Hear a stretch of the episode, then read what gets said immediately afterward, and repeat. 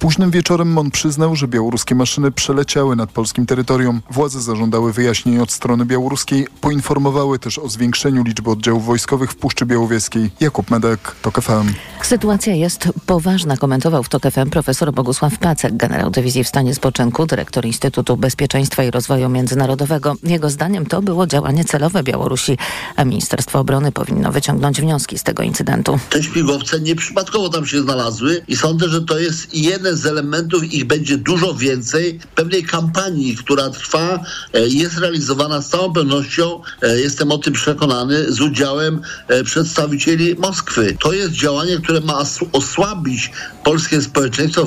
W tej sprawie pojawił się już reakcja Stanów Zjednoczonych. Poważnie podchodzimy do bezpieczeństwa NATO i będziemy pracowali nad tym, by zapewnić, że każdy centymetr kwadratowy NATO pozostanie bezpieczny, mówi rzecznik Pentagonu. Do Białorusi przybyła tymczasem 14 kolumna najemników z rosyjskiej grupy Wagnera. Poinformował o tym projekt białoruski Hajun, który monitoruje tam ruchy wojsk i uzbrojenia. Kolumna składa się z mniej więcej 15 pojazdów, w większości furgonetek. Tomasz Rochowski. Mimo, że są najemnikami, pomagają nam całkowicie za darmo, zachwala Wagnerowców białoruski dyktator Aleksandr Łukaszenka. Szczerze mówiąc, chce ich zatrzymać w Białorusi jako jednostkę. To prawdziwi wojownicy, którzy doświadczyli, czym jest wojna. Liczbę Wagnerowców w Białorusi szacuje się na mniej więcej 5 tysięcy. Rzecznik amerykańskiej Rady Bezpieczeństwa Narodowego John Kirby uspokaja. Nie mamy żadnych informacji o konkretnych zagrożeniach dla Polski ze strony najemników Prigorzyna. Wcześniej ambasador Stanów Zjednoczonych przy ONZ ostrzegała Moskwę, że jakikolwiek atak Wagnerowców będzie uznany przez USA za atak Rosji. Tomasz Surchowski, to FM. Najpierw ukraińskie Ministerstwo Spraw Zagranicznych wezwało do siebie ambasadora Polski w Kijowie. W odpowiedzi MSZ w Warszawie zaprosiło ambasadora Ukrainy w naszym kraju. A wszystko po słowach ministra w kancelarii prezydenta Marcina Przydacza, który w państwowej telewizji stwierdził, że tu cytat Ukraina powinna zacząć doceniać pomoc ze strony Polski. Wypowiedź prezydenckiego ministra została uznana w Kijowie za niedopuszczalną, bo jak podkreślał rzecznik ukraińskiego MSZ-u, Ukraińcy wielokrotnie tę wdzięczność wyrażali. Wiceszef MSZ-u w poprzednim rządzie PiS, a obecnie poseł Koalicji Obywatelskiej Paweł Kowal przyznawał w TOK FM, że do sprawy trzeba podchodzić spokojnie. Mniej emocji do polityki, a więcej polityki w polityce. To jest tak, że ci, którzy najbardziej chcieli na tych emocjach Unii Polsko-Ukraińskiej i szli tak strasznie daleko, dzisiaj tak szybko się zawiedli. Zdaniem premiera Mateusza Morawieckiego wezwanie polskiego ambasadora do ukraińskiego MSZ-u nie powinno mieć miejsca. Słuchasz informacji TOK FM. W 79. rocznicę wybuchu Powstania Warszawskiego w mieście zawyły syreny, a ogień pamięci zapłonął przy pomniku Mokotów walczących w Parku Dreszera.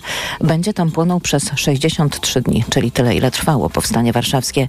A tak pierwsze dni sierpnia wspominali wczoraj bohaterowie tamtych dni. Ja się zgłosiłam do jednostki wojskowej, więc mnie właśnie wzięli jako pielęgniarkę. Musiałam znosić najpierw ciężko rannych, potem między y, kamienicami wy- powybijali dziury i myśmy przez te dziury tam piwnicami tych chłopaków niosły. W piwnicach siedzieli ludzie.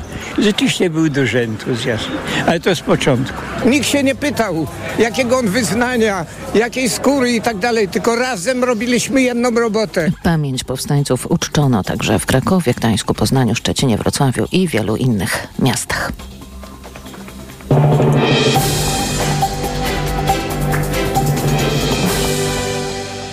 Na prognozę pogody zaprasza sponsor. Właściciel marki Active Lab Pharma, producent preparatu elektrowid zawierającego elektrolity z witaminą C i magnezem. Pogoda. W większości regionów na termometrach dziś od 22 do 23 stopni, nieco cieplej do 25 na Dolnym Śląsku, w Wielkopolsce, na Mazowszu i Lubelszczyźnie. W ciągu dnia będzie więcej słońca, choć może też przelotnie pokropić. Na prognozę pogody zaprasza sponsor. Właściciel marki Active Lab Pharma, producent preparatu elektrowid zawierającego elektrolity z witaminą C i magnezem. Radio TOK FM. Pierwsze radio informacyjne. Poranek Radia TOK FM. I jest 7.07, to jest środowy poranek Radia TOK FM. Maciej Głogowski, dzień dobry. Kampania wyborcza rozpoczyna się z dniem ogłoszenia aktu właściwego organu o zarządzeniu wyborów i ulega zakończeniu na 24 godziny przed dniem głosowania. Tak stanowi kodeks wyborczy. Wybory do Sejmu i Senatu zarządza prezydent Rzeczypospolitej nie później niż na 90 dni przed upływem czterech lat od rozpoczęcia kadencji Sejmu i Senatu, wyznaczając wybory na dzień wolny od pracy, przypadający w ciągu 30 dni przed upływem czterech lat od rozpoczęcia kadencji Sejmu i Senatu. To z kolei zapis Konstytucji.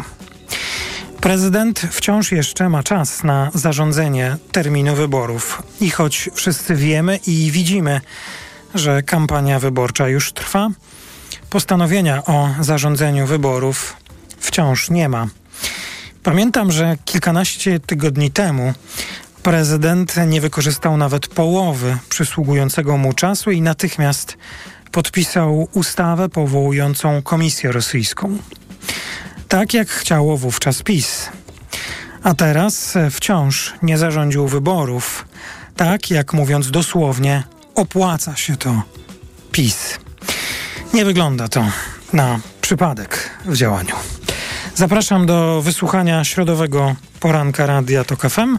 Naszymi gośćmi będą dziś Jarosław Pinkas, konsultant krajowy w dziedzinie zdrowia publicznego. Ta rozmowa już po 7.20. Nieco później, po 7.40, gościem poranka będzie generał Stanisław Koziej. Mamy do omówienia incydent, do którego doszło wczoraj. Mieszkańcy Białowieży mieli rację, widzieli po naszej stronie białoruskie śmigłowce. Incydent potwierdziło wieczorem nasze Ministerstwo Obrony Narodowej. Między innymi o tym będziemy rozmawiać. Po ósmej w studiu poranka Radia Tok FM Małgorzata Kidawa-Błońska z Platformy Obywatelskiej, a po 8.20 w komentatorskiej części poranka Magdalena Rigamonti i Joanna Solska, a poranek Radia Tok FM rozpoczynamy od przeglądu prasy i nie tylko prasy, od czego dzisiaj zacząć i od czego, do czego się odnieść, czy o czym mówić. Sporo, zresztą w informacjach Państwo mogli usłyszeć, sporo mówi się i dyskutuje w przestrzeni medialnej, może tak, i mediów społecznościowych również, na temat e, reakcji Ukrainy na słowa prezydenckiego ministra. E, przypomnę, pan minister Przydacz, szef prezydenckiego biura polityki międzynarodowej w państwowej telewizji powiedział, że Ukraina naprawdę otrzymała dużo wsparcia od Polski. Myślę, że warto by było, żeby zaczęła doceniać, jaką rolę przez ostatnie miesiące i lata odgrywała dla niej Polska. Stąd też takie, a nie inne decyzje, jeśli chodzi o ochronę granic. Między innymi taką wypowiedź, e, takiej wypowiedzi udzielił minister Przydacz wieczorem. Mam wrażenie wieczorem, tak, wieczorem pokazał się wpis w mediach społecznościowych pana Morawieckiego, który skomentował wezwanie przez stronę ukraińską naszego ambasadora po wypowiedzi ministra Przydacza. Premier napisał wezwanie polskiego ambasadora, reprezentanta kraju, który jako jedyny pozostał w Kijowie w dniu inwazji Rosji na Ukrainę do ukraińskiego MSZ, nigdy nie powinno mieć miejsca. W polityce międzynarodowej w obliczu toczącej się wojny, biorąc pod uwagę ogrom wsparcia, jakiego Polska udzieliła Ukrainie. Takie błędy nie powinny się zdarzać. Zawsze będziemy bronić dobrego imienia Polski i jej bezpieczeństwa, interes żadnego innego państwa nigdy nie będzie stał ponad interesem Rzeczypospolitej.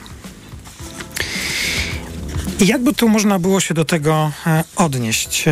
Mnie się wydaje, że e, najlepiej by było e, po prostu, gdyby pan minister Przydacz nie powiedział tych słów, bo przecież w taki sposób mówić ich nie musiał. Wówczas nie byłoby tej reakcji strony ukraińskiej. Być może, tak jak niektórzy twierdzą, też zbyt emocjonalnej. I w ogóle dobrze by było, gdyby tych emocji było mniej I to nie tylko wczoraj, ale i dziś, i jutro, bo wszystko wskazuje na to, że konflikt, jaki Rosja wywołała w naszej części Europy, rozpoczynając wojnę przeciwko Ukrainie, jeszcze będzie trwał. Więc e, wypowiedź wydaje mi się nie, niepotrzebna i mam wrażenie, że to taki komentarz nie narusza polskiej racji stanu, ale moją uwagę zwróciło coś, co być może jest już tylko dodatkiem, ale nie daje mi to spokoju, bo zdecydowałem Państwu E, pełny wpis premiera Morawieckiego i przeglądałem, co na Twitterze dzieje się po tym wpisie. Prawie wszyscy, no na pewno nie wszyscy, ale wielu polityków e, Prawa i Sprawiedliwości natychmiast e, ten wpis premiera podawało dalej. dołączając e, różne komentarze. Wielu polityków Prawa i Sprawiedliwości wypowiedziało się posłanki, posłowie, przedstawiciele Rady Ministrów. E, nigdy nie zaakceptujemy działań, które uderzują, uderzają w wizerunek Polski. Polska jest najważniejsza. Podawali to z takimi krótkimi, dłuższymi lub krótszymi wpisami. Mam wrażenie, że nie będzie to nieusprawiedliwiony komentarz. Sam zastanawiam się, czy aż tyle zastrzeżeń jest koniecznych.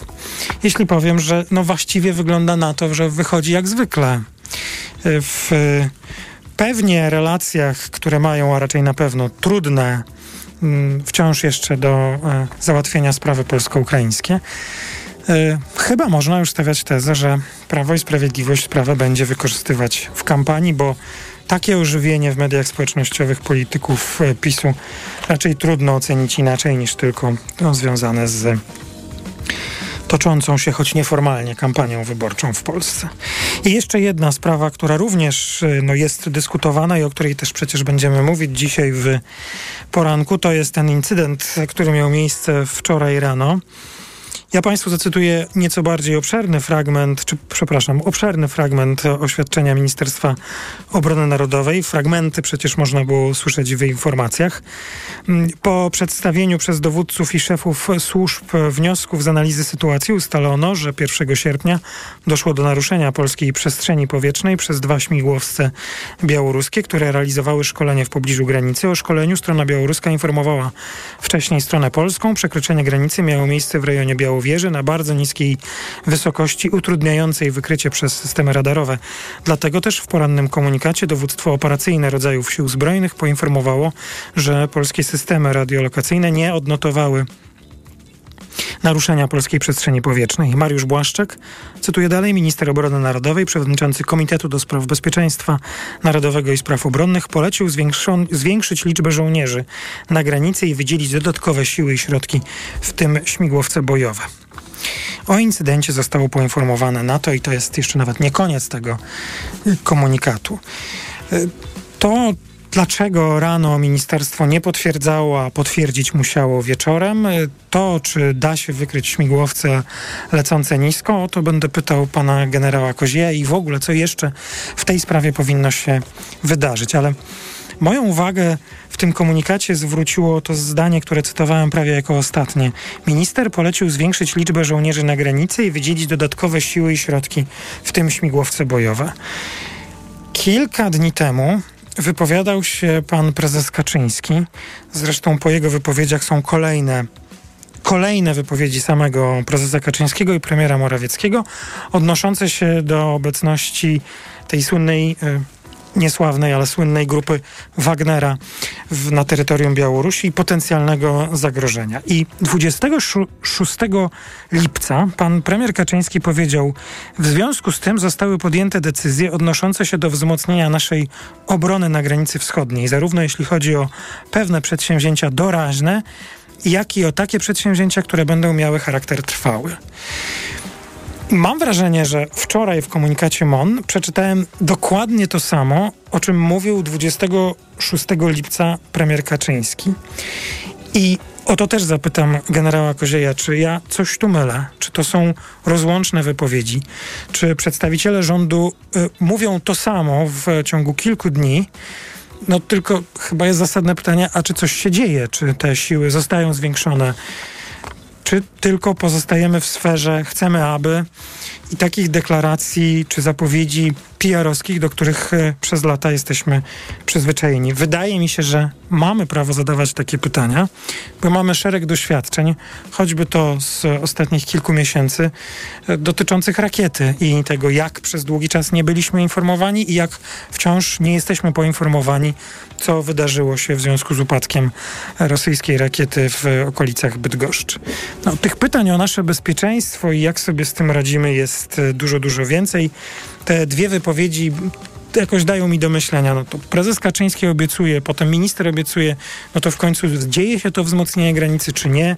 Czy może, czy może jeszcze możemy go oczekiwać, a i za kilka dni znów ktoś ogłosi podobne, czy wygłosi podobne oświadczenie? O to też będę pytał. To tyle tych spraw formalnych, a w prasie y, Gazeta Wyborcza dzisiaj ma na czołówce jak pytanie, jak zatrzymać Rosję u Saudów o pokój. To jest y, tekst y, Bartosza Wielińskiego o mm, organizacji przez Zachód w Arabii Saudyjskiej konferencji poświęconej pokojowi w Ukrainie. Zachód chce w ten sposób odciągnąć od Rosji kraje Afryki i Azji. Pytanie oczywiście, czy to się, czy to się uda. Ciekawy tekst, y, nowa sprawa. To spotkanie ma się odbyć już niebawem. E, Polska też będzie reprezentowana. Mają się pojawić kraje, które były takie wstrzemięźliwe w jednoznacznym potępieniu, e, potępieniu Rosji. Warto, nawet nie trzeba zaglądać, bo po prostu można wziąć do ręki gazetę wyborczą i, i od razu to y, zobaczyć. Podatki po wyborach ponad połowa Polaków obawia się, że poniesie koszty obietnic składanych w kampanii przez polityków. Badanie Ibrisu w tej sprawie to z kolei, jak kogoś interesuje, czołówka dzisiejszej e, Rzeczpospolitej. Pierwsza część poranka, ta, która formalnie miała być przeglądem prasy, ale trochę mało tej prasy było za nami. Teraz informacje, a po informacjach gościem poranka będzie pan profesor Jarosław Pinkas.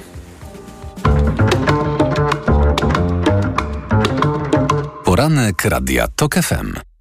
Autopromocja. Codziennie dzieje się coś nowego. Codziennie dzieje się coś ważnego. Trzymaj rękę na pulsie i słuchaj swoich ulubionych audycji oraz podcastów i seriali reporterskich TOK FM w dowolnej kolejności, o dowolnej porze, zawsze gdy masz na to ochotę. Dołącz do TOK FM Premium. Teraz 30% taniej. Szczegóły oferty znajdziesz na tokefm.pl. Autopromocja. Reklama. RTV Euro AGD. Jeszcze tylko dziś. 50 zł rabatu za każde wydane 500. Promocja na wybrane produkty. Aż do 2000 zł rabatu. Rabat naliczamy od razu. Szczegóły i regulamin w sklepach euro i na euro.com.pl Patrz, Barbara, ale no. w Media Expert jest mega. No, ale patrz na tę, Marian, jaka mega. A, a, a tamta, tamta, tamta o, to jest mega. Mega, mega. Mega okazje w Media Expert. Na przykład robot sprzątający iRobot Rumba. Najniższy Najniższa cena z ostatnich 30 dni przed obniżką 1999 zł. Teraz za jedyne 1699 z kodem rabatowym taniej o 200 zł. Reklama. Radio TOK FM. Pierwsze radio informacyjne. Informacje TOK FM. 7.20, Marta Perchuć-Burzyńska, zapraszam. Dwa białoruskie śmigłowce wojskowe naruszyły polską przestrzeń powietrzną, wlatując nad Białowieżę, potwierdziło wczoraj wieczorem Ministerstwo Obrony. Wcześniej przez cały dzień resort utrzymywał, że nic takiego nie miało miejsca.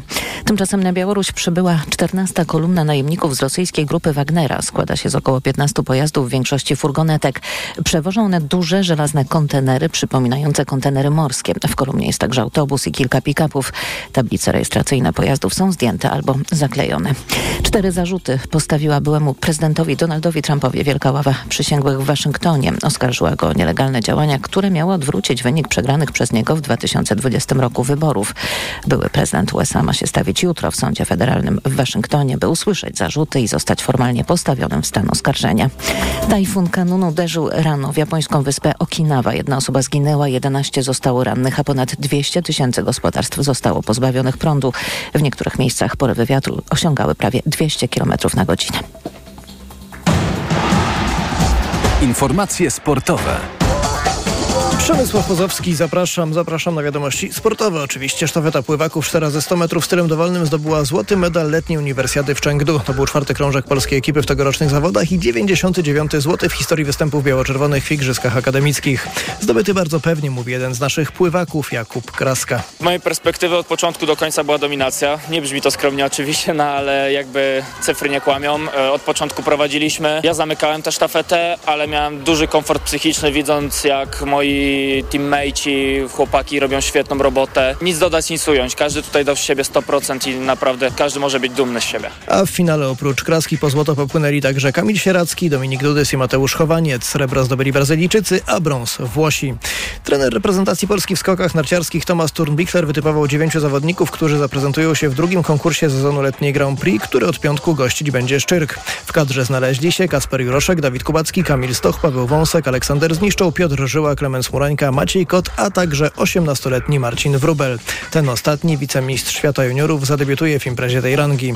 Inauguracja sezonu odbyła się w ubiegłym tygodniu w Courchevel, gdzie pierwszy konkurs cyklu wygrał Szwajcar Gregor Deschwanden. Najlepiej z biało-czerwonych wypadł wtedy Aleksander Zniszczą, który był ósmy. I jeszcze zmagania kobiet w piłkarskim mundialu rozgrywanym w Australii i w Nowej Zelandii. Broniące tytuł Amerykanki zremisowały z Portugalią 0 do 0 i z trudem wywalczyły awans do 1-8 finału. Pierwsze miejsce w tej grupie zajęła reprezentacja Holandii, która wczoraj pokonała Wietnam aż 7 do 0. Do dalszej fazy awansowały też Angielki i Dunki. Te pierwsze w swoim ostatnim meczu grupowym pokonały Chiny 6 do 1, natomiast drugie Haiti 2 do 0. Faza pucharowa mundialu kobiet rozpocznie się w sobotę, a finał 20 sierpnia. Pogoda. W większości regionów na termometrach dziś od 22 do 23 stopni, nieco cieplej do 25 na Dolnym Śląsku, w Wielkopolsce, na Mazowszu i Lubelszczyźnie. W ciągu dnia będzie więcej słońca, choć może też przelotnie pokropić. Radio TOK FM. Pierwsze radio informacyjne. Poranek Radia TOK FM. I jest prawie 7.24. W Radiu TOK FM trwa środowy poranek, a naszym pierwszym gościem jest dziś i teraz pan Jarosław Pinkas, konsultant krajowy w dziedzinie zdrowia publicznego, były wiceminister zdrowia w rządach Prawa i Sprawiedliwości i były główny inspektor sanitarny. Dzień dobry panie profesorze. Dzień dobry, witam państwa bardzo serdecznie. Od trzech tygodni TOK FM publikuje serial dokumentalny Podziemie. W kolejnych rozmowach, które prowadzę po publikacji kolejnych odcinków tego serialu przypominam, że i proszę wybaczyć jeszcze jeden cytat, ale wydaje mi się on istotnym wprowadzeniem do naszej rozmowy. Podziemie. To serial, który opisuje toczący się w świetle dziennym proceder stosowania niepotwierdzonych naukowo procedur do leczenia boreliozy rzeczywistej i urojonej. To portret świata, w którym medycyna jest pretekstem do zarabiania. Czy pan jest ma pan jakieś odczucie? Kusi mnie, by zapytać o przerażenie tym, e, co się dzieje także e, w Polsce i do czego, no do czego do, do, dopuszczają lekarze. Leczenia ludzi, którzy leczenia nie wymagają, długo Oczywiście, oczywiście, że mam takie poczucie, może nie przerażenia, ale ogromnego niepokoju. Na szczęście dotyczy to stosunkowo niewielkiej grupy lekarzy. Ja nie bagatelizuję tego, ale to niestety są moi koledzy. Mówię niestety, którzy no, dopuszczają się jednak procederu, który jest absolutnie niegodny e, stanu lekarskiego, mianowicie no, monetyzują coś, co powinno być absolutnie poza ich kompetencjami. Monetyzują szamaństwo, szarlatanerię. I nie mówimy tylko tutaj o leczeniu boreliozy metodą ILAC, ale o całej masy zdarzeń, które w tej chwili jest w przestrzeni publicznej, który służy wyłącznie zarabianiu pieniędzy. E, są to metody, które są absolutnie niesprawdzone. One rzeczywiście są przedstawiane jako metody unikalne, panaceum. E, e, wiemy dokładnie, że one są kompletnie bez znaczenia dla pacjentów i służą wyłącznie, przepraszam za kolokwializm, wyciąganiu pieniędzy od pacjentów, którzy są często zdezorientowani. I oczywiście jest to wielki problem w tej chwili na całym świecie i to jest bardzo ciekawe, że akurat dzisiaj zostałem do Państwa zaproszony, bo wczoraj analizowałem wspólnie ze swoimi kolegami to, co zostanie za chwileczkę zatwierdzone przez e, polski rząd, mianowicie nową, nowe kody, e, które są e, tworzone przez Światową Organizację Zdrowia. To, to są takie kody, teraz to będzie ICD-11, wszyscy lekarze wiedzą o co chodzi. A my nie. No właśnie, państwo nie, ale państwo macie oczywiście na swoich kartach informacyjnych zapisany kod ICD. to jest kod choroby. Zaręczam, że nie ma tam przewlekłej boreliozy. Natomiast jest coś, co jest niezwykle ważnego, mianowicie tłumaczymy w tej chwili na język polski, co to znaczy health i teraz. I to są złe wybory zdrowotne, tak? I to jest kluczowa kwestia. Światowa Organizacja Zdrowia e, doprowadziła do sytuacji, że te złe wybory zdrowotne są także kodowane. No, powiedzmy, należy nazwać to pewną chorobą.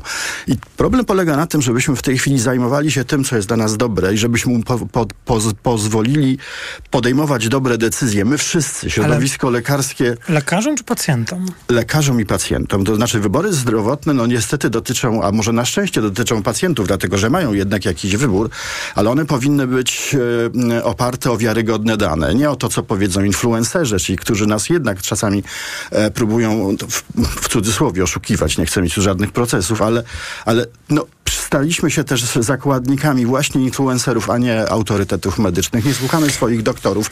Chcemy mieć bardzo szybkie efekty żeby się wyleczyć, to to jest także proces, który wymaga czasu, e, pewnej determinacji, a nie cudownego leku, suplementu. Czegoś takiego nie ma. Porusza pan temat, który jest jednym z ciekawszych i o który ja też konsekwentnie pytałem w, we wcześniejszych rozmowach tutaj w środy. Też przedstawicieli środowiska medycznego, e, szefa Izby Lekarskiej, czy, jego, czy jednego z jego zastępców. Skąd pacjent? I ten serial Podziemie Michała Janczury jest tego najlepszym przykładem. Skąd, jak pacjent ma sobie poradzić, jeżeli lekarz, no właśnie lekarz oferuje metodę, która nie jest potwierdzona medycznie. Skąd oczywiście, ma wiedzieć, że to jest... Oczywiście istnieją metody sprawdzenia. To znaczy, nawet muszę powiedzieć, że przed dzisiejszym programem zobaczyłem, jak się pozycjonuje kwestia boreliozy w internecie, tak? No, pierwsze pozycje to są pozycje oparte o wiarygodnych danych, to, są, to jest medycyna oparta o wiarygodnych danych, na, na wiarygodnych danych. Gdzieś tam później rzeczywiście można znaleźć już coś, co, co, co, co budzi, czy trąci szamaństwem, czy też pewną nieuczciwością. Natomiast oczywiście no, lekarze są najlepszym nośnikiem informacji, ale tutaj akurat część moich kolegów, niewielka część zbłądziła i to jest wielki dramat. Przypomnę, e, że... I na szczęście chcę powiedzieć, że e, Izba Lekarska i tutaj chylę czoła zareagowała niezwykle szybko. To Złożyła znaczy, zawiadomienia? Są zawiadomienia. Myślę, że za chwileczkę będą e, lekarze, ci, którzy pobłądzili, bo takich nazywam, e, staną przed Rzecznikiem Odpowiedzialności Zawodowej. Prawdopodobnie skończy się to jakimś, e, jakąś penalizacją ich działalności. A pan by uważał, że zasadne jest e, nie wiem, jak to w Państwa nomenklaturze, zawieszanie, odbieranie prawa wykonywania zawodu? No to jest oczywiście już y, absolutna y, ostateczność. Ja wy, wygląda mi na to, że dobrze było, żebyśmy po prostu, my, całe środowisko lekarskie, po pierwsze, po pierwsze jednak przeprowadzali rozmowy mówiące o tym, że to nie ma sensu. Po drugie, no jednak jakaś forma ostracyzmu y, zawodowego, co też jest niezwykle istotne. Ale chcę powiedzieć, że pan redaktor Janczura odniósł już swój pierwszy spektakularny sukces, dlatego, że ja widziałem jego post post na, nie pierwszy, na Twitterze. Nie pierwszy, powiem. to ja wiem oczywiście, chylę czoła, ale, ale na stronach, czy, czy widziałem stronę lekarza, który zajmował się właśnie tym procederem i napisał, nie zajmuje się leczeniem boreliozy, tak? Także to jest pierwszy dość spektakularny sukces. O tym po prostu trzeba mówić. Chodzi o to, że lekarz, który się zajmował, wycofuje się wycofuje już... się już z tego, z tak. Tego. No i oczywiście jest to najlepszy dowód, jak skuteczne są media i jak o tym trzeba ciągle mówić. Ja zresztą mam e, tutaj taki, no przepraszam, nie wiem, czy mi wypada, ale mam apel do, do państwa, państwa, e, państwa zarządzających TOK FM, żeby ten, e, te podcasty były poza paywallem, żeby one były bezpłatne. A wie pan, że myśmy je także opublikowali pierwsze dwa odcinki już na antenie, także tak, wiem, szeroki Ja wiem, ja, ja oczywiście e, wykupiłem paywall i to jest, to są dobrze wydane pieniądze, jeżeli chodzi o jeżeli chodzi o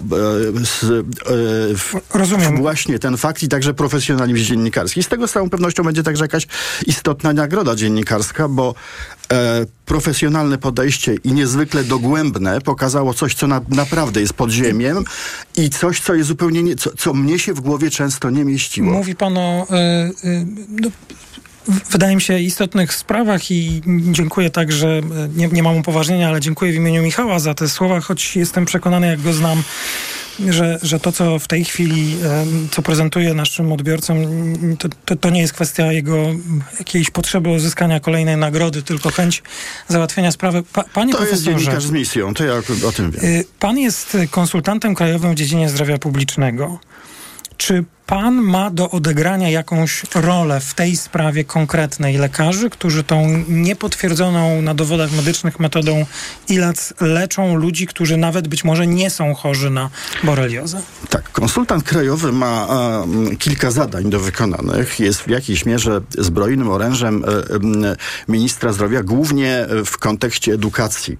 Głównie dlatego, że my przygotowujemy także egzaminy, które prowadzi później Centrum, Centrum Egzaminów Medycznych. No, tam oczywiście nie ma niczego niczego o tym, że ilac jest jakąś metodą skuteczną. Mam takie głębokie przekonanie, że także konsultacji w zakresie chorób zakaźnych, diagnostyki laboratoryjnej, farmakologii klinicznej w ogóle takiej metody nie uznają. I to jest istotny, istotny problem. Minister zdrowia wie, że ta nieuznana metoda mm, nie powinna znaleźć się w orężu terapeutycznym Skąd pan polskiego. wie, że minister zdrowia wie? No myślę, że wie, dlatego że, że, że wystarczy przejrzeć, jak wyglądają chociażby egzaminy. Ja pracuję w Centrum okay. Medycznym Kształcenia Podyplomowego. My kształcimy wszystkich lekarzy w Polsce podyplomowo. Właściwie każdy lekarz przechodzi przez nasze kursy. Zaręczam, że raczej o, o ilacie się nie dowie. pana rola. Czy ma pan jakąś rolę? A moja rola jest też taka, że implikacje stosowania tej terapii zupełnie Czyli antybiotyków powyżej to jest, 30 dni. Tak jest. To, to jest kwestia antybiotykooporności. No i to jest rzeczywiście sytuacja, w której ja czuję się odpowiedzialny za to, żeby Polacy nie używali takiej ilości antybiotyków i żeby także lekarze... W skrajnych przypadkach przez lata. Przez skrajnych przypadkach przez lata, co się nie mieści w głowie, tak? I oczywiście... E, ja sugeru mogę sugerować podjęcie pewnych działań i mam wrażenie, e, że Ministerstwo Zdrowia je podejmie, bo są pewne metody, które mogą to uniemożliwić. Nie chcę o nich w tej pa, chwili mówić. Ale... Warto to zapytać rzecznika ministra zdrowia. Dobrze, to to jest... wymaga oczywiście czasu. To umówmy się, że to nie jest też tak, że można taką, e, taką, taki proces prowadzić od razu. Panie profesorze, ale to wejdę panu w słowo, proszę wybaczyć, bo y, Mamy już tę re reakcję środowiska medycznego, o której pan wspominał, czyli Naczelna Izba Lekarska złożyła zawiadomienia w sprawie kilkudziesięciu lekarzy stosujących niesprawdzone metody w leczeniu boreliozy. Sam pan y, przypominał, że prawdopodobnie, czy, czy, raczej na pewno tą sprawą zajmie się Rzecznik Odpowiedzialności za, Zawodowej. Mamy stanowisko Rady, y, Rady Ekspertów Naczelnej Izby Lekarskiej. Y, ma pan pewność, że resort zdrowia też widzi ten problem i ma jakąś pracę do wykonania? Znaczy, resort zdrowia nadzoruje Narodowy Fundusz Zdrowia, czyli wszystkie placówki, które świadczą usługi zdrowotne w ramach systemu opieki zdrowotnej i z całą pewnością nie ma tam takich procedur. Te procedury odbywają się, tak jak państwo to nazywacie, w podziemiu, tak? No i oczywiście e, no, ministerstwo chodzi mocno po ziemi i patrzy się, żeby rzeczywiście nie płacić środków za coś, co jest kompletnie irracjonalne. Natomiast Rolą ministra jest niewątpliwie analiza systemu i także wydawanych środków. Ministra, czy też szefa Narodowego Funduszu Zdrowia. To są ogromne pieniądze. Proszę pamiętać o tym, że część tych antybiotyków jest refundowana. Dodatkowo dochodzą też inne zupełnie niesprawdzone, niesprawdzone leki. Ale także, do, co o tym nie mówić, e, Ministerstwo Zdrowia zawsze miało i ma rolę edukacyjną. Proszę zobaczyć, jak wyglądają strony MZ-u, Narodowego Funduszu Zdrowia, instytucji, Czy pan które by są chciał, podległe. żeby Ministerstwo Zdrowia coś zrobiło? I co jest tym cosiem, przepraszam za to słowo? Co jest tym cosiem? No myślę sobie, że, że można w tej chwili, powiem to już otwartym tekstem, doprowadzić do dyskryminacji e, takiej ilości e, recept związanych z związanych z antybiotykoterapią, szczególnie jeżeli w kontekście długości. To można sprawdzić. Na szczęście e, Polska jest bardzo dobrze ucyfrowiona. Jeżeli chodzi o, o, o możliwości analityczne, to recepta daje różnego typu możliwości dyskryminacyjne, żeby na przykład lekarz nie mógł przepisywać e, antybiotyków dłużej niż i tutaj konsultanci krajowi mają swoją rolę w zakresie farmakologii klinicznej, chorób zakaźnych, prawda? No i można to przecież przeanalizować. No I, to by to leżał, jest, I to już jest po stronie ministerstwa, taka, to, to, takie zadanie? To jest po stronie instytucji, która jest, ma, jest, ma możliwości wdrożenia tego. Ja wiem, że takie procesy się w tej chwili e, już, już toczą. No nie wiem, kiedy to, nie wiem, kiedy to będzie, ale też myślę sobie, że może to będzie niekonieczne, dlatego że my ten proceder, my wszyscy ten proceder zlikwidujemy. Że, że nie będzie przyzwolenia i mojego środowiska lekarskiego, ale także pacjenci nie będą wybierali tych lekarzy, którzy po prostu zwyczajnie ale... stosują terapie, które są absolutnie dla nich groźne. I, ja rozumiem to, o czym pan teraz powiedział, że być może to, to w efekcie publikacji i, i, i takiej publicznej dyskusji na ten temat nie będzie konieczna, ale rozumiem, ja tak zrozumiałem, jeśli nadinterpretuję, to proszę mnie poprawić, że ma pan wiedzę, że ministerstwo zajmuje się tą sprawą. Y czy, albo pan sugerował? No, nie bardzo wypada mi w tej chwili występować Wszystko w roli ministra, ministra zdrowia. Natomiast e, z całą pewnością nie zasypuje ministra zdrowia gruszek w popiele. To jest interes społeczny. No, mogę powiedzieć, że sam także podjąłem pewne działania sugerujące, e, sugerujące takie postępowanie. Powiedział pan to ministrowi albo komuś Samemu z ministrowi nie, ale powiedziałem o tym, powiedziałem o tym y, tym, którzy mają istotny wpływ na zdrowie publiczne w Polsce. I mam nadzieję, że, że taka sytuacja będzie oczywiście to jest jedno z rozwiązań, tak? Ale myślę, że najbardziej istotne jest to, co zrobiła moja korporacja zawodowa. Jestem z tego bardzo dumny, że decyzje były natychmiastowe i mam głębokie przekonanie, że także tutaj Naczelna Rada Lekarska, Izba Lekarska będzie wspierała działania ministra zdrowia, żeby wszystkich tych, którzy stosują tego typu metody, jednak eliminować e, z przestrzeni publicznej, nie mówię z zawodu.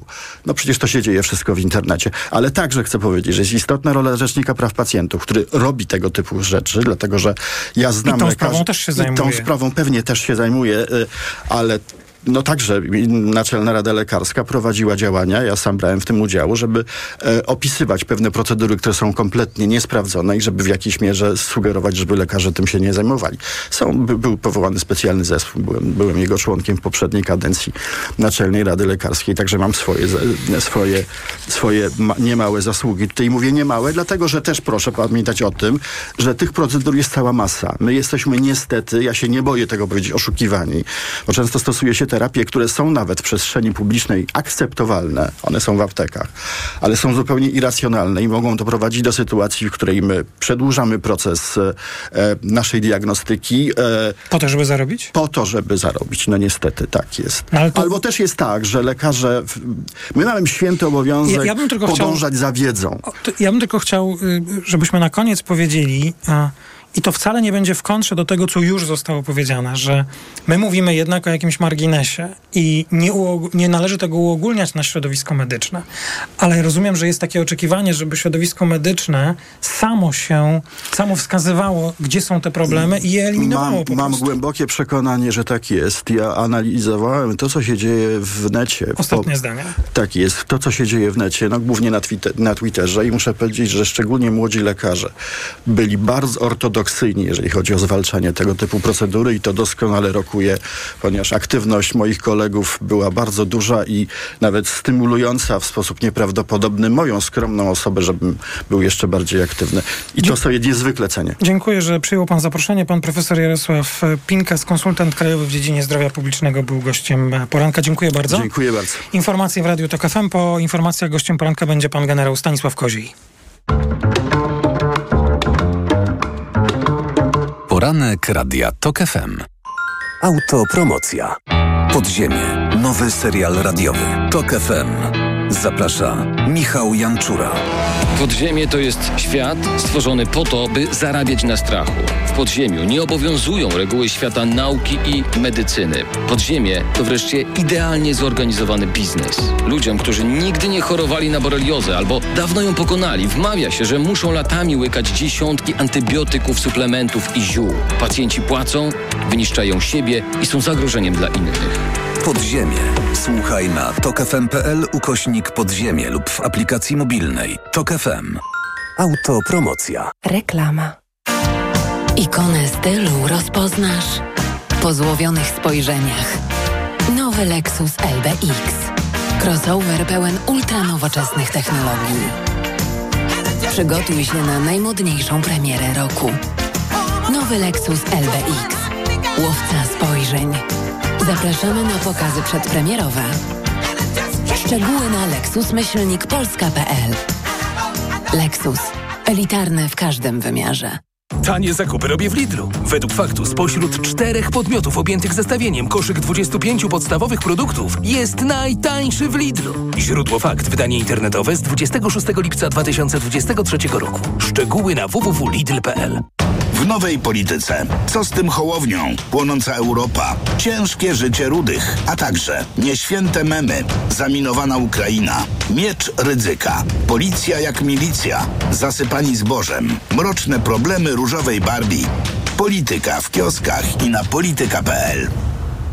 Jestem lekarzem dermatologiem i wiem, że stosując pomadkę do ust myślimy głównie o nawilżeniu. To za mało, dlatego sama stosuję i polecam Regenerum. Regeneracyjne serum do ust z filtrem SPF 50+. Pod wpływem słońca usta tracą objętość i kolor. Regenerum skutecznie chroni delikatną skórę ust przed szkodliwym działaniem słońca. Ponadto Regenerum intensywnie nawilża usta, zapobiega utracie wody, odżywia je i poprawia elastyczność. Dzięki Regenerum usta na długo zachowują naturalne piękno. Regenerum. Pełna regeneracja.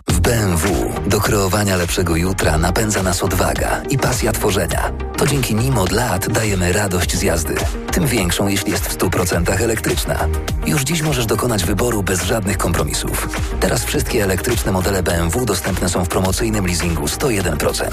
Wybierz BMW iX z pakietem sportowym, przestronne BMW iX1 lub sportowe coupe BMW i4. Szczegóły w salonach i na bmw.pl. BMW. Radość z jazdy. 100% elektryczna. A co polecasz na uczucie pełności? Trawisto. Ciężkość na żołądku. Trawisto. Gazy. Trawisto. Suplement diety Trawisto zawiera wyciąg z owoców kopru, który wspomaga trawienie i eliminację nadmiaru gazów. Aflofarm. Biurko do nauki czy zabawy? Z IKEA wszystko, co robisz, jest w porządku. Teraz meble biurowe taniej o 15% przy zakupach powyżej 600 zł. Oferta dla klubowiczów IKEA Family oraz IKEA Business Network ważna do 16 września. Regulamin na IKEA.pl. Bóle nóg, obrzęki, żylaki zatrzymują Cię w pół kroku? Przyczyną mogą być osłabione naczynia, a także zakrzepy. Sięgnij po nowość. Rostil Max z maksymalną dawką substancji czynnej w jednej tabletce. Rostil Max działa podwójnie, wzmacnia naczynia i przeciwdziała tworzeniu się zakrzepów. Rostil Max. Żylaki znikają raz, dwa. Aflofarm. Rostil Max. Tabletka zawiera 500 mg apniatu bezylanu jednowodnego. Wskazania leczenia objawów przewlekłej niewydolności krążenia żylnego kończyn dolnych. To jest lek. Dla bezpieczeństwa stosuj go zgodnie z ulotką dołączoną do opakowania i tylko wtedy, gdy jest to konieczne. W przypadku wątpliwości skonsultuj się z lekarzem lub farmaceutą. Reklama. Radio TOK FM. Pierwsze radio informacyjne. Informacje TOK FM. 7.43 Marta Perchuć-Burzyńska. Zapraszam. Muzeum Powstania Warszawskiego nie zapraszało Roberta Bąkiewicza. Jest zbulwersowany i zaskoczony jego obecnością w dniu rocznicy wybuchu zrywu sprzed 79 lat. Szef Stowarzyszenia Marszu Niepodległości pojawił się wczoraj w Muzeum Powstania na nagraniu do programu telewizji Republika. Zdjęciem pochwalił się w mediach społecznościowych. Muzeum przypomina o agresywnym zachowaniu Bąkiewicza w stosunku do powstańców warszawskich. Jesienią 2021 roku był on w grupie narodowców zagłuszających przemówienie weteranki powstania Wandy Traczek-Stawskiej. Rosjanie zaatakowali dronami port i infrastrukturę przemysłową w Odessie nad Morzem Czarnym. Nad ranem jednocześnie z kilku kierunków przeprowadzili także atak na Kijów. Wszystkie bezzałogowce, których miało być ponad 10, zostały zestrzelone. Największe od 140 lat opady deszczu nawiedziły Pekin. W wyniku ulew i powodzi zginęło co najmniej 20 osób, a 27 zostało uznanych za zaginione. Intensywność opadów w tym roku jest tam zaskakująca. Lato w Pekinie jest zwykle suche, a tegoroczne upały były rekordowe, ocenia agencja Associated Press. Pod koniec czerwca w Pekinie przez trzy dni z rzędu notowano temperatury sięgające 40 stopni Celsjusza. Zespół Depeche Mode wystąpi dziś na Stadionie Narodowym w Warszawie. W związku z tym wjazd na Saską Kępę dla pojazdów indywidualnych będzie czasowo ograniczony. Bramki na stadion będą otwarte od 17. Pogoda. W większości miejsc w Polsce na termometrach dziś od 22 do 23 stopni, nieco cieplej do 25 na Dolnym Śląsku, w Wielkopolsce, na Mazowszu i Lubelszczyźnie. W ciągu dnia będzie słonecznie, choć może też przylotnie pokropić miejscami. Radio TOK FM. Pierwsze radio informacyjne. Poranek Radia TOK FM. I jest 7.45, to jest środowy poranek Radia TOK FM. Maciej Głogowski raz jeszcze dzień dobry, a naszym gościem jest pan generał Stanisław Koziej. Dzień dobry panie generale. Dzień dobry. Panie profesorze, mnie się wydaje, że takie pytanie jest i uzasadnione i może pojawić się w głowach wielu osób. No to jest najprostsze pytanie. Czy to jest, czy my możemy czuć się bezpieczni, jeśli białoruskie śmigłowce latają po naszej stronie, obywatele robią im zdjęcia, a polskie władze potwierdzają, że te śmigłowce naprawdę były po polskiej stronie dopiero po 10 godzinach? No nie jest to komfortowa sytuacja z punktu widzenia poczucia bezpieczeństwa na pewno, zwłaszcza to zamieszanie informacyjne moim zdaniem, dlatego że no incydenty się zdarzają. Tym bardziej ten nie był jakiś taki, mm, bym powiedział, straszny incydent, bo Białorusini mówili, że będą się szkolić, mogliśmy się tego spodziewać, e, że one tu będą latać blisko granicy. E, trochę dziwne, że skoro wiedzieliśmy, że będą latać blisko granicy, byliśmy przygotowani, żeby ich obserwować, żeby ich, ich namierzać, e, żeby żeby właśnie wykorzystywać do szkolenia własnego systemu e, to działanie za, za granicą. może tak było? No widocznie nie było tak, skoro Ministerstwo Obrony Narodowej nie było w stanie od razu z miejsca powiedzieć, co się wydarzyło, albo przynajmniej, no nie wiem, jakoś stwierdzić, że badamy sytuację jeszcze, bo na 100% nie wiadomo, może tak, ale inaczej. A, a tymczasem powiedział, że nie, nie, nie, nic nie było, prawda? No więc myślę, że Ministerstwo Obrony Narodowej niestety jakoś nie panuje nad tą narracją w dziedzinie bezpieczeństwa, że ta narracja... Panie profesorze, tak. tam jest, mam wrażenie, no to będzie ocenne i może nie wypada pytającemu, ale ja odnoszę wrażenie, że tam jest wyłącznie chęć panowania nad narracją, przekazem, że wszystko jest zawsze dobrze. E, tak, ale powiedziałem narrację z punktu widzenia bezpieczeństwa państwa, prawda? Nad tym nie panuje, dlatego że ta narracja ona jest głównie ukierunkowana mm, na interes, nie wiem, no interes samego ministra personalnie. Widać wyraźnie, że on, to minister informuje o wszystkich, że, że kupione jest pięć e, e, czołgów, to informuje minister, że podpisano umowę, informuje nie rzecznik prasowy ministerstwa. Więc po pierwsze pod kątem personalnym ministra, no to jest niedobre. Po drugie, pod kątem partyjnym, a nie pod kątem bezpieczeństwa państwa. W związku z tym ta narracja nie może być skuteczna, nie może być obiektywna, nie może być dobra i tak dalej. To jest chyba ta sfera informacyjna jest chyba tu jedną z największych słabości e, w systemie bezpieczeństwa narodowego Rzeczpospolitej. No ale co jest ważniejsze, sfera bezpieczeństwa, czy to, żebyśmy wiedzieli, że białoruskie śmigłowce są lub potrafili na to zareagować? A właściwie co się powinno wydarzyć, jeżeli one już wleciały na tę naszą stronę? Co się powinno stać? E, no, jest, tak bym powiedział, trudno, trudno jednoznacznie na to odpowiedzieć dla, dlaczego. Dlatego, że tak, gdyby nie było wojny, gdyby była sytuacja pokojowa, bezpieczeństwa i tak dalej, takie incydenty się zdarzają ciągle i tak dalej, gdzieś tam podleci samolot, no to go się zmusza do lądowania na swoim terytorium, albo go się, że tak powiem, wypycha, wymusza, żeby opuścił naszą przestrzeń, ale to jest w czasie pokoju. My nie jesteśmy w czasie klasycznego pokoju, prawda? Za granicą toczy się wojna. E, no co najmniej możemy powiedzieć, że jest sytuacja kryzysowa z punktu widzenia bezpieczeństwa państwa wzdłuż naszej granicy. W związku z tym ta, ta reakcja musi być bardziej, e, bym powiedział, zdecydowana. Mm, no, jeśli idzie, mamy pierwszy tego typu przypadek, że te, o którym wiemy. To znaczy pierwszy, o którym wiemy. O którym wiemy, tak, że, że to się zdarzyło.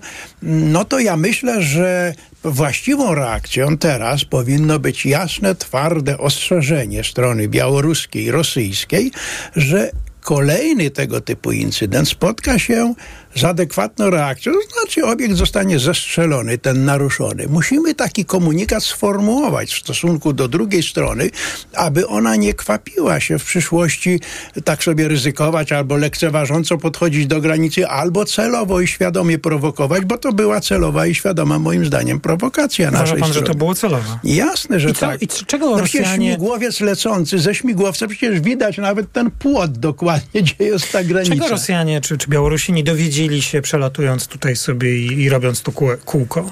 No od razu w tym momencie, kiedy mm, przekroczyli granicę, że są już na terytorium polskim. Przecież to była świadoma. Moim zdaniem to, to nie można w żadnym wypadku przyjmować jakiejś takiej interpretacji, że oni zabłądzili, nie wiedzieli, że nie wyszkoleni piloci, że za blisko przelecieli. No i co, i wiedzą, że y, nie tylko Polska, ale i właściwie no przecież my jesteśmy natowskim krajem, ta granica wschodnia tak. jest chroniona i tak dalej. E, moim zdaniem na, to, na ten incydent warto spojrzeć w nieco szerszej perspektywie jako pewien element szerszej całości. Jak ja widzę ten, ten, ten, ten, tę szerszą całość?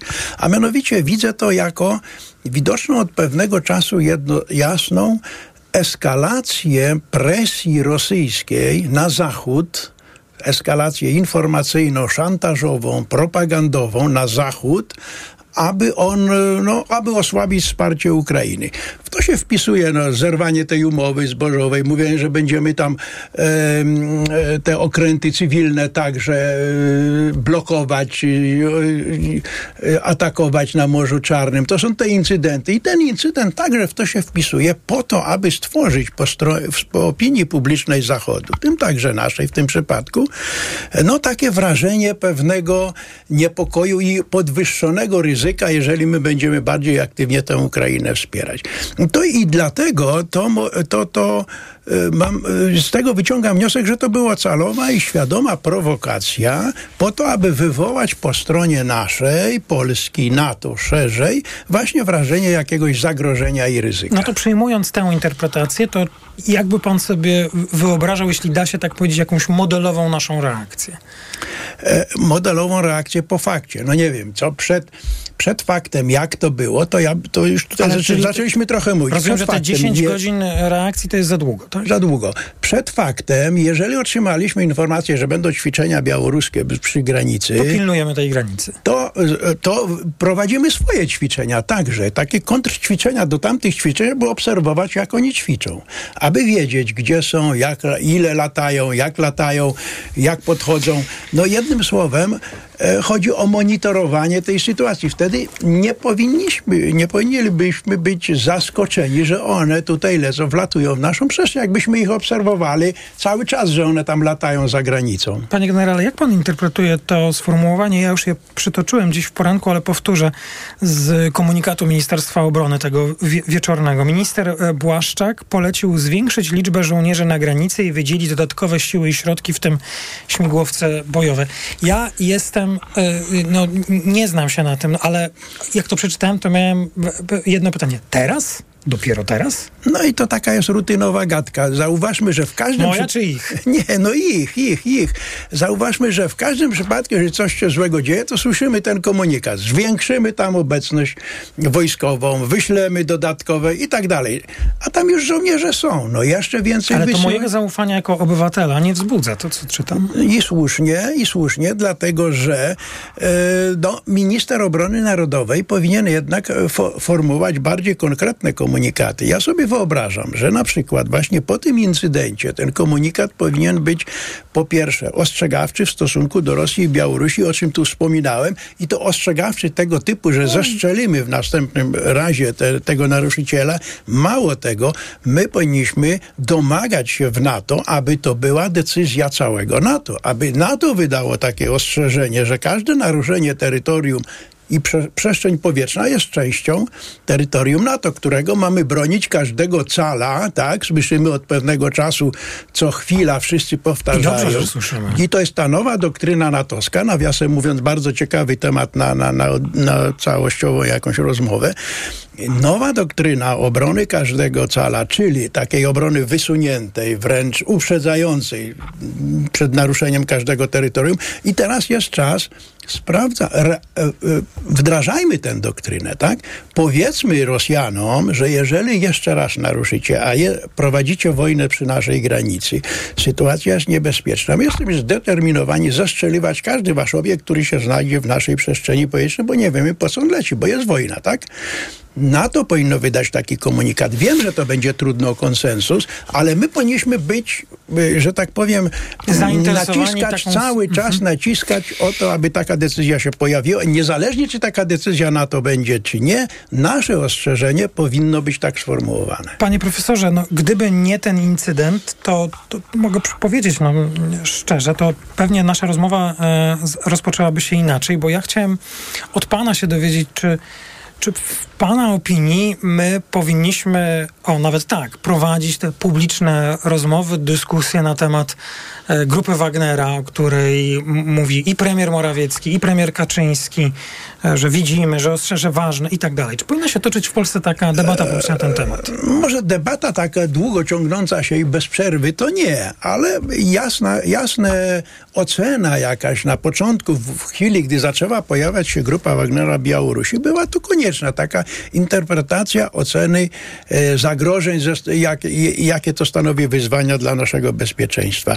Że to jest przede wszystkim... stanowi wyzwanie? E, tak, tak, no stanowi pewne wyzwanie. Jest to przede wszystkim instrument presji psychologicznej znowu w ramach tej szerszej e, eskalacji e, presji na, na, Pols na, na NATO, na Zachód, na Polskę, nagłaśnianie tego przez Rosję, tego tematu, służy właśnie wywoływaniu tego lęku i ostrożności w stosunku do wspierania no tak, Ukrainy. Panie profesorze, ale no, ja akurat e, z racji wykonywanego zawodu jestem za pełną transparentnością, ale coś mi się tutaj nie zgadza, bo jeśli przedstawiciele rządu Prawa i Sprawiedliwości i premier Morawiecki, i premier Kaczyński występują, poważne miny mówią, że no, trochę to y, też dziwnie brzmi, tych 100 osób gdzieś się przesuwa, prawda, w naszym kierunku i może to być y, powodowane jakąś chęcią dalszego ataku hybrydowego, no to ja uznaję, że to jest poważna sprawa. Trochę zaczynam mieć wątpliwości, jak widzę, że zaraz się y, liderzy naszego rządu przesuwają na kolejny piknik wyborczy.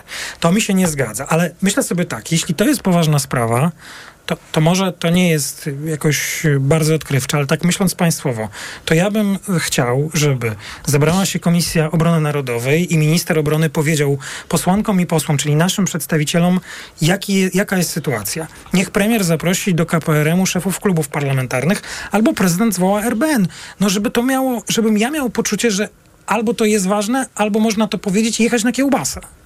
No ma pan stuprocentową rację, ja też tak uważam, że tak powinno być, e, no ale tak by było w, w, państwie demokratycznym, tak by było na przykład w Wielkiej Brytanii, prawda, gdzie ciągle premier co jakiś czas przychodzi do parlamentu i on tam wszystko tym, z, tymi, z tymi posłami swoimi e, mówi, informuje ich, co będzie, jakie decyzje podejmował i tak dalej. No u nas niestety nie ma tej praktyki, marną, marną u nas mamy kulturę polityczną, tego nie ma, a co do tej niespójności, którą pan na początku podkreślił, że tu jest z jednej strony straszą, że to, to straszne zagrożenie jest tej grupy Wagnera, gdy tymczasem ono nie jest żadne straszne. To jest właśnie taka, taka dezinformacyjna, psychologiczna raczej presja, chociaż oni mogą ci pojedynczy Wagnerowcy gdzieś tam nawet jakąś dywersję wykonywać. Mogą prowokacje na granicy, tak jak te śmigłowce, to oni mogą też tam je strzelić. Czyli to trzeba brać pod uwagę. I to trzeba brać pod uwagę. Natomiast no, nie straszyć ludzi tym bez przerwy, e, że, że to grozi jakąś agresją agresją na terytorium Polski. No nie grozi. No jakie tam... Oni nawet nie mają sprzętu ciężkiego, jest, dlatego, pol... że im e, e, Ministerstwo Obrony Rosyjskie zabrało cały sprzęt. Czy, czyli to, co... Czy, czy, czy, czy nie można pokusić się o takie twierdzenie, że to, co robi władza, to jest jednak polityka? Tak, i to jest polityka partyjna. partyjna to gorsze, tak, tak bo gdyby to była polityka państwowa, mądrze prowadzona właśnie, info, bym powiedział, e, komunikacja strategiczna z narodem, taka na, prawdziwa, to w porządku. Tymczasem to nie jest komunikacja strategiczna, to jest propaganda partyjna, czysto niestety państwo polskie zostało upartyjnione także w sferze bezpieczeństwa. Mamy 15 sekund, a nie boi się pan, że to usypia naszą czujność? Bo, bo, no bo jednak sam pan mówił, że ta sytuacja, jeżeli za granicą toczy się wojna, to ona jest przynajmniej określona jako kryzysowa. Co z tą naszą obywatelską czujnością? No przez, takie, przez, e, przez taką nieudolność informacyjną albo fałszywą jakąś informację rządową, niestety e, także i czujność, i, to, to, to jak gdyby czujność narodowa się osłabia, dlatego że ludzie się przyzwyczają